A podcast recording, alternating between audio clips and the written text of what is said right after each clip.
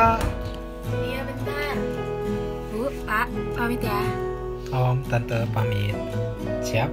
Berangkat. Halo, selamat datang dalam episode perdana kami dengan saya Praka. Dan saya Tika. Apa kabar Tika? Baik. Udah lama ya kita nggak ketemu. Mm-mm, sebulan ya ada kali ya. Sebulan, ya sebulan. Terakhir aku ke rumah kamu ya. Mm-mm. Ya harusnya nggak usah dikasih tahu sih itu. Ya pokoknya intinya karena kita ada PSBB ini, kita berusaha sebisa mungkin tidak mendatangi satu sama lain, Iya, menjaga benar. jarak. Kita ya. mendukung program social distancing Iya ya. mantap.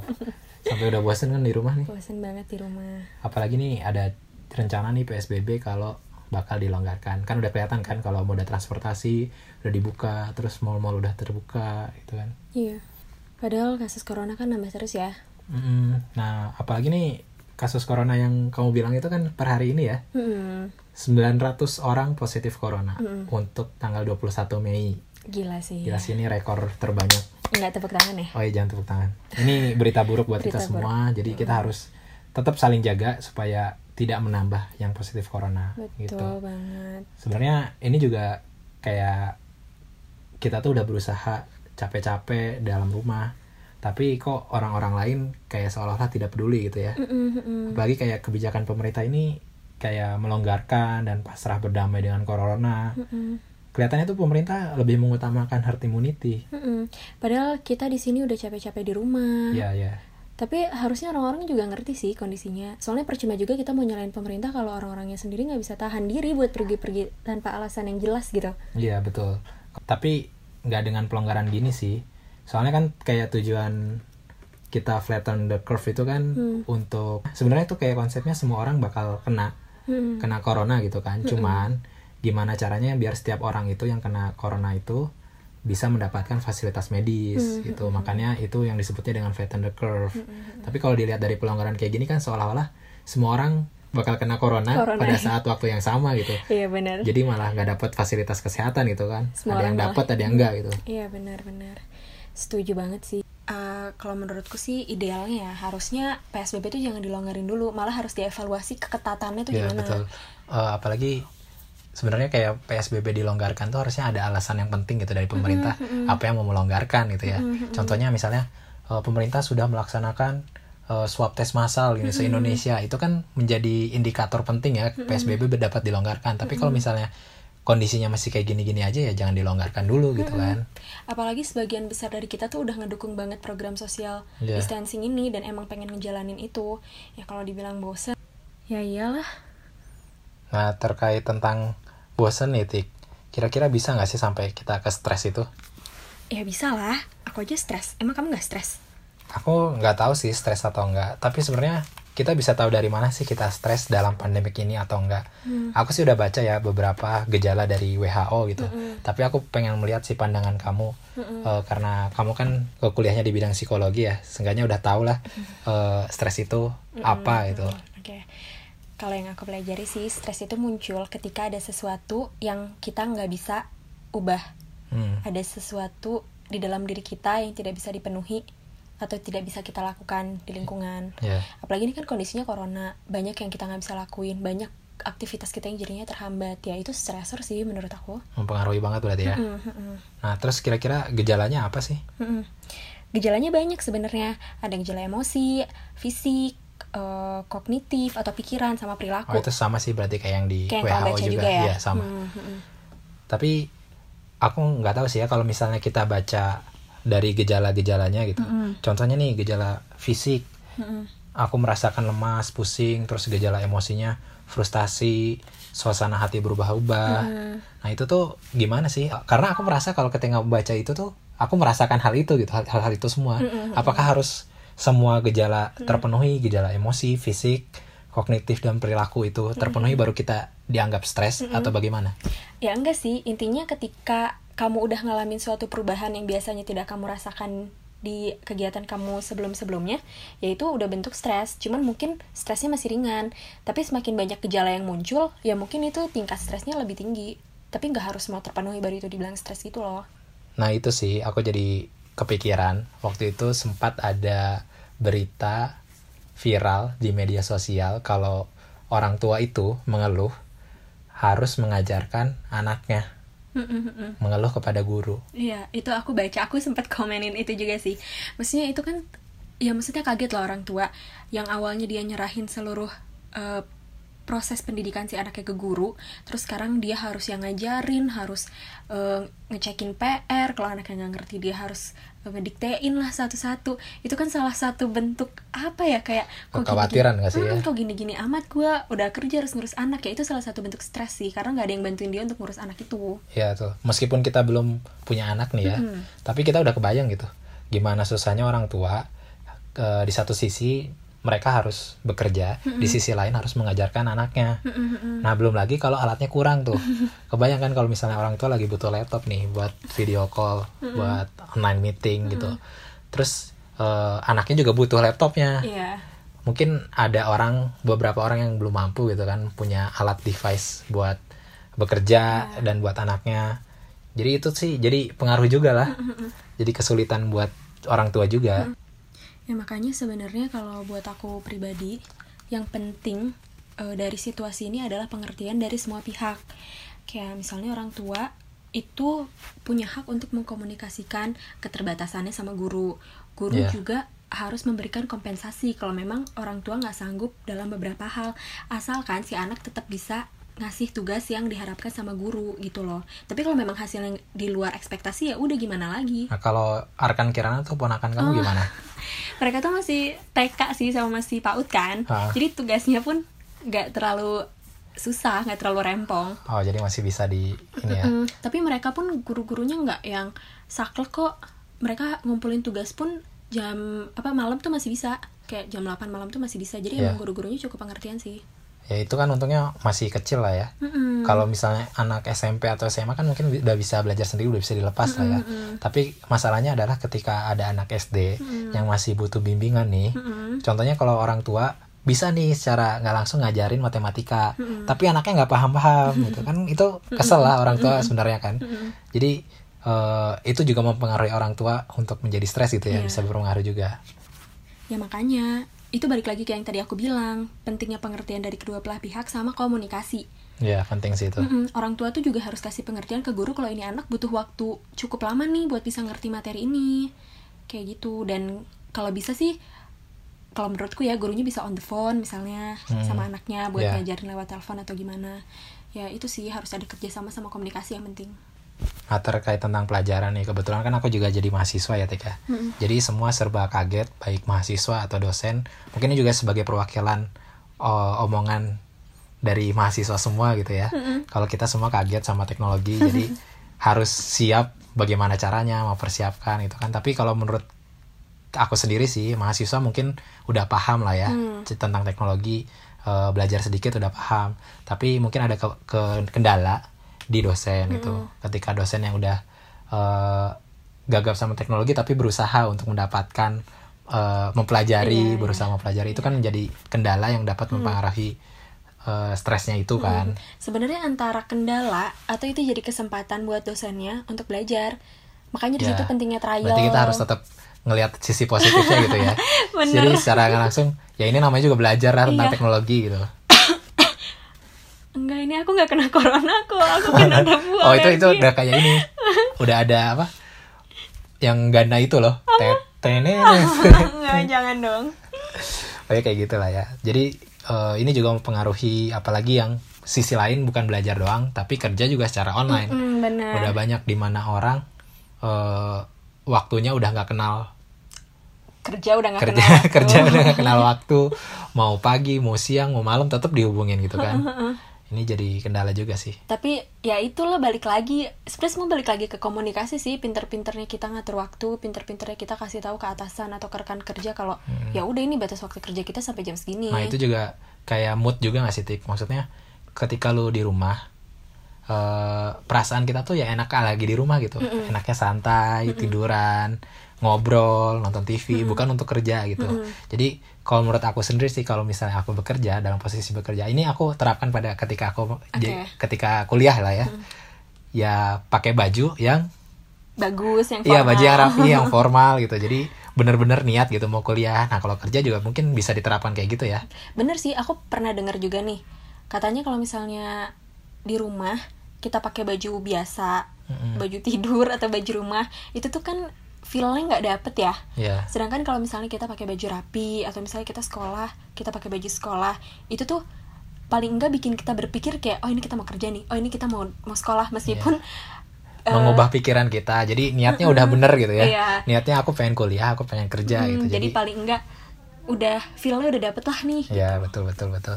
Apalagi kita nggak pakai apa kebanyakan sih ya. Kalau orang-orang tuh banyak yang di Twitter di Instagram bilangnya kuliah online atasannya rapi, Bawahannya. koloran. ya sebenarnya nggak masalah sih seenaknya aja Iya. tapi paling enggak eh ya mas itu kan saran ya Iya iya. saran ya kalau emang mau dapet feelnya mungkin bisa dicoba Mm-mm. kayak gitu Padahal rapi-rapi nggak mau keluar juga kan. Mm-mm, di rumah doang Karena kalau kita keluar juga kan takut gitu. Kita kayak seolah-olah kalau kita keluar nih misalnya kita mau ke minimarket nih, Mm-mm, terus ngeliat wah udah banyak orang nih. mm-mm, ketakutan kita tuh seolah-olah berlebihan gitu. Mm-mm. kayak takut terpapar takut banyak orang gitu kan. Tapi emang gitu. Emang aku baca nih dari satu buku yang dia bahas eh, tentang psychological reacting to pandemic. Memang ketika kita mengalami suatu situasi pandemik itu kita akan mengalami ketakutan. Dan ketakutannya berlebihan bahkan bisa berbahaya Ya. jauh melebihi si Ya. penyakitnya itu Iya sendiri. betul betul betul. Tapi mungkin di sini yang bisa ditangkap adalah ketakutan ini bisa bikin kita lebih aware ya, Iya. lebih eh, lebih siaga. Keluar pakai APD, sorry bukan Oh, APD, APD APD kan buat tenaga medis sorry, sorry, dong. Nanti masker, ada juga loh itu yang di Twitter viral. Eh, belanja pakai baju APD aduh gila sih Nah, itu itu ngaco sih, nggak selebay itu Iya, ya. nggak selebay itu. Masker, cuci tangan, itu sebenarnya oke kok, terus Oh. jaga jarak itu nggak masalah. Iya, eh, kalau aku sendiri sih ya kayak ketakutan berlebihannya tuh ketika kita keluar rumah sampai rumah tuh aku tidak ingin menularkan kepada orang-orang yang kita cintai gitu ya keluarga. Jadi peraturan di rumah adalah ketika kita keluar masuk lagi harus mandi. Iya, Bayangin loh. Itu ketakutan berlebihan gak sih? Hmm, Antara aware atau ketakutan berlebihan kan? aku pun gitu ya. Oh, sama berarti ya. Sama berarti ya. maksudnya kalau aku sih nggak masalah ya karena itu salah satu bentuk kesediaan kesiagaan kita Iya. karena kan kita nggak tahu kita Betul, ketemu betul. sama siapa apakah orang Dan itu bahkan kita atau enggak kayak kita baru ganti baju nih ya, Hmm. baju baru. Terus kita keluar, pas masuk lagi bajunya harus dicuci gitu, Iya, nggak iya. boleh dipakai lagi dalam rumah karena saking takutnya saking kan. takutnya aku juga ya nggak masalah sih selama kamu menikmati dan nggak jadi masalah dengan hal itu ya kalau aku sih justru jadi tenang ya Hmm. kayak gitu jadi ya udah sih nggak masalah Terus apalagi sih yang eh, mempengaruhi? Kalau menurut aku sih ya ini eh, berita-berita dari pemerintah itu loh, iya iya itu eh, terlalu banyak sih. Hmm, sebenarnya bukan berita eh, dari pemerintah aja tapi dari semua media Ya betul. karena memang ada buktinya Hmm. ada pembuktiannya bahwa berita yang menyebar atau rumor yang menyebar lewat media sosial itu bisa dengan cepat menyebarkan ketakutan Iya. dan pandangan negatif kita. Betul. Itu juga salah satu saran dari WHO sih. Hmm. Cara mengatasi kita supaya tidak stres terhadap wabah penyakit ini itu kalau kita merasakan berlebihan informasi tentang COVID, Mm-mm. itu tuh kita harus eh, istirahat dulu Iya benar. dari media sosial, dari berita-berita itu, take a break. Ya pokoknya lepas dulu nanti sampai kita tahu nih informasinya eh, udah siap untuk menerima informasi baru kita baca-baca lagi gitu. Iya. Tapi jangan sampai kita malah melepas gitu nggak tahu apa-apa. Jadi jangan sampai nggak peduli Nggak juga lah peduli. tentang berita. Iya setuju banget sih maksudnya kita batasin aja memang berita-berita yang sekiranya memang benar atau udah ada konfirmasinya Ya, gitu dan sebenarnya lebih baik lagi di dalam kondisi gini kita itu membangun keyakinan yang positif. ya, Nah, gimana caranya? Kayaknya kita perlu banyak banyakin baca berita positif deh, kayak berita kesembuhan atau misalnya, oh ini ITB sama Unpad mau bikin alat Oh iya iya iya iya. iya. apa yang Itu kayak yang rapid test tapi rapid yang test itu. yang akurasinya lebih tinggi Iya, gitu iya. kan. Ya, Itu jadi eh, ada tentang rapid test, swab test, sama ini yang baru adalah dari ITB sama Unpad.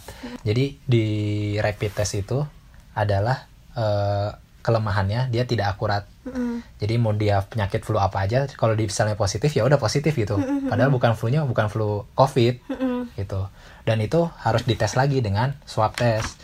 Nah, swab test ini yang akuratnya lebih tinggi dan dia kelemahannya waktunya lama. Hmm. Nah, ini perbedaannya adalah jadi ada berita kalau di ITB sama Unpad sudah membuat alat, Alat, untuk sedang mengetes membuat. sedang membuat sedang membuat atau sudah membuat? Kalau sudah sudah. dong Ya pokoknya lagi sudah diproses ada lah ya. lagi proses gitu.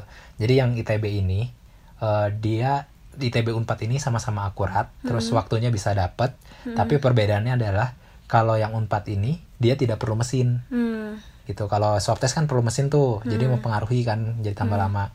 Jadi yang unpad ini yang itb butuh mesin sedangkan yang unpad tidak butuh mesin. Gitu. Jadi ini berita baik sih semoga bisa diterapkan di Indonesia ya Hmm, dan semoga eh, jadinya curve-nya itu bisa meningkat tapi nanti Ya. bakalan cepat turun lagi. betul betul Eh ngomongin soal flatten the curve. ya Sebenarnya aku jarang-jarang baca sih karena mungkin aku terlalu cemas kali ya. Hmm.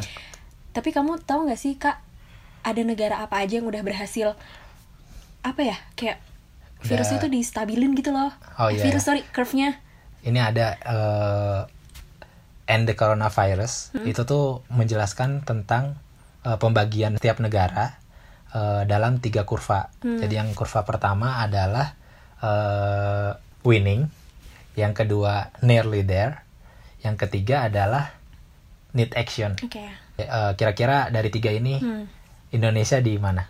Need action. Iya need action lah. Pasti jadi kurva kita tuh nggak tahu ya sebenarnya Sorry kurva batuk mulu. Kurva dari pemerintah ini kelihat- kelihatannya mau corona deh. Enggak, jangan, amit-amit, enggak ini debuin debu. Debu-debu. Jadi eh, pemerintah itu mungkin kita nggak tahu ya kurva yang dari pemerintah versinya gimana. Ya itu kan data seadanya ya. Iya. Jadi yang data itu yang kita baca dan posisinya masih need action. Hmm. Nah, eh, kita harusnya bisa belajar nih dari yang negara yang bisa winning nih, Hmm. winning the uh, coronavirus. Hmm. Contohnya negara yang gak usah jauh lah eh, di Asia Tenggara itu Vietnam. Hmm. Kenapa Vietnam bisa berhasil menghadapi corona? Yaitu pertama mereka itu udah responsif pemerintahnya. Jadi ketika tanggal 30 Januari itu tuh kita belum ngapa-ngapain ya. 30 Januari itu mereka udah bikin gugus Covid lah anggapannya. Nah, selain itu juga dia eh, dari apa pol- kultur politiknya ya yang komunis itu jadi eh, sifatnya ciri-cirinya itu penegakan hukumnya kuat jadi rakyatnya tuh patuh jadi ketika harusnya PSBB ya mereka mengikuti terus eh, kita juga bisa ngelihat dari Australia nah Australia itu dianggapnya sebenarnya pemerintahnya menganggap bahwa orang-orang Australia itu susah diatur Hmm. makanya dibuat denda Hmm. Nah denda itu yang mempengaruhi ternyata orang Australia patuh semua gitu. Coba terapkan itu pada Indonesia. Bayangkan itu. Waktu itu pernah ada eh, denda kan? Mm-mm. Pernah sempat mau denda tapi eh, seminggu pertama cuman buat berteguran doang Iya. gitu. Sampai sekarang belum ya. Sih belum. Sebenarnya kayak di Indonesia itu udah melaksanakan semua tahapan, Mm-mm. tapi masalahnya adalah dari eh, lambatnya respon pemerintah dan eh, masyarakatnya juga yang kurang patuh Iya. iya. itu sih di mana mana mudik malah pergi gitu kan terus beli baju lebaran ini sih terus ini juga sama halnya kayak eh, kayak di Amerika Kita ya. Kita sama Hmm, kayak Amerika. karena di Amerika itu mereka mengutamakan pada CDC CDC itu Center of Disease Control and Prevention dia bergantung sama mereka Hmm. terus selain itu juga kebanyakan argumen nih di antara White House pemerintahannya dengan lembaga kesehatan Hmm. Nah, jadi itu yang menyebabkan uh, respon pemerintah Amerika jadi lama juga Hmm. buat menentukan kebijakan itu. Itu sih. Nah, itu uh, tentang kurvanya sih ya. Hmm. Uh, kalau kita balik lagi nih ke stres lagi, Ini balik lagi ke stres ya. ya Hmm. uh, gimana sih kiranya Hmm. kita dapat mengatasi stres itu? Heeh. So far kamu ngapain aja? Kalau aku sih setuju sama berita WHO ya. WHO terus ya. Iya, berita banget WHO. baca W. Karena baca WHO. Ada ini yang paling menyenangkan gitu. Oke. jadi pembelaan semua orang kalau eh, dalam masa pandemi ini banyaklah bermain games gitu. Ini benar-benar kayak ada data juga membuktikan bahwa 75% peningkatan eh, mobile games itu di-download Pas masa pada saat pandemi ini. Oke. Bayangkan. Jadi mungkin orang-orang sudah memahami lah cara pelarian mereka masing-masing Hmm, eh, dari pandemi ini mengatasi kebosanan supaya nggak stres ya dengan cara bermain games gitu. Mungkin kayak yang kamu mungkin udah tahu juga ya. Kalau misalnya kalau kita terlalu edik sama video gaming itu bisa jadi salah satu kategori disorder. Oh gitu. Heeh. Tapi kenapa sih WHO malah nyaranin? Ya. Mungkin karena eh, kalau kita main games itu bisa jadi salah satu distraksi yang baik Ya. untuk kita keluar rumah. Jadi kita kan kayak pengen main games terus kayak ah malas ah keluar rumah gitu. Dan ada beberapa juga video games yang bikin kita tetap connect sama orang lain sama gamers lain. Jadi kita masih tetap bisa bersosialisasi tapi aman gitu. Ya. Mungkin itu sih salah satunya asalkan main gamesnya nggak Tidak mengganggu- berlebihan. Nggak Pokoknya segala hal yang tidak berlebihan itu buruk. Iya, Gitu ya. Terus sama ini sih olahraga untuk Iya, menjaga iya. kesehatannya penting ya. penting banget berjemur terus kita kan harus tetap bugar ya Iya. meskipun di rumah aja kan aktivitas kita kan Iya lebih terlalu terbatas. banyak duduk ya. Terlalu Duduk banyak tidur, duduk, duduk tidur, tidur. rebahan, duduk Rebahan. tidur rebahan. makanya olahraga yang sederhana kayak yoga Ah. atau Workout exercise di rumah gitu ya. mm, atau ikut-ikutan challenge ta- challenge, Challenge workout. TikTok gitu ya. Ya, boleh lah. Terus kalau misalnya kita lagi pikirannya nggak enak banget, lagi uring-uringan banget, kita bisa coba meditasi atau relaksasi. Pernah nggak nyoba? Hmm, nggak pernah sih. Nggak ngerti. Nggak tahu caranya. Ya pokoknya relaksasi tuh kita tarik nafas, tahan Oh, gitu. nafas, keluarin sambil dengar lagu-lagu relax. Terus kita bisa ngobrol sama orang-orang terdekat kita. Iya, betul. Meskipun jauh tapi kan Tetap keep in touch gitu ya. Iya, Stay connected. Stay connected. Bener lewat chat lah atau telepon atau video call kan sekarang lagi zaman ya Iya. orang-orang update mereka video call sama teman-temannya gitu. Terus eh ya itu sih balik lagi kita harus cari-cari hal yang memang bisa bikin kita lebih seneng. Nah itu juga ada sih eh, cara supaya kita dapat mengurangi stres. Contohnya adalah dengan cara membantu orang lain. Jadi secara nggak langsung kita menebar Hmm. Iya. kebahagiaan bisa, gitu ya. Bisa. Kayak kita bagi-bagi sembako Nah itu gitu ya. hal kecil tapi bisa membuat kita senang gitu kan. Mm. Atau bagi-bagi kirim-kirim makanan gitu Iya. kan. Eh, bentar ya, Kak. Halo. Iya, Pak. Oh, iya ya bentar lagi nih pulang kok ya. Bye. Kak, kayaknya kita harus udahan deh. Ini aku udah ditelepon disuruh pulang. Oh ya udah. Berarti untuk mengatasi stres pertama-tama kenali diri sendiri apakah kita stres, lalu cari cara yang paling menyenangkan untuk mengatasinya. Lalu, pelajari dan bagikan fakta tentang COVID-19 dan bantu hentikan penyebaran rumor yang tidak benar. Ketika kita berbagi informasi akurat tentang COVID-19, kita dapat membantu membuat ketakutan orang berkurang yang akan memengaruhi agar kita mengurangi stres juga. Tetap membuat koneksi dengan orang-orang terdekat, Membentuk stigma yang baik terhadap pasien positif corona juga memberikan dukungan sosial kepada mereka secara langsung ataupun melalui media sosial. serta menyadarkan diri sendiri dan sekitar untuk tetap menjaga diri dengan melakukan social distancing.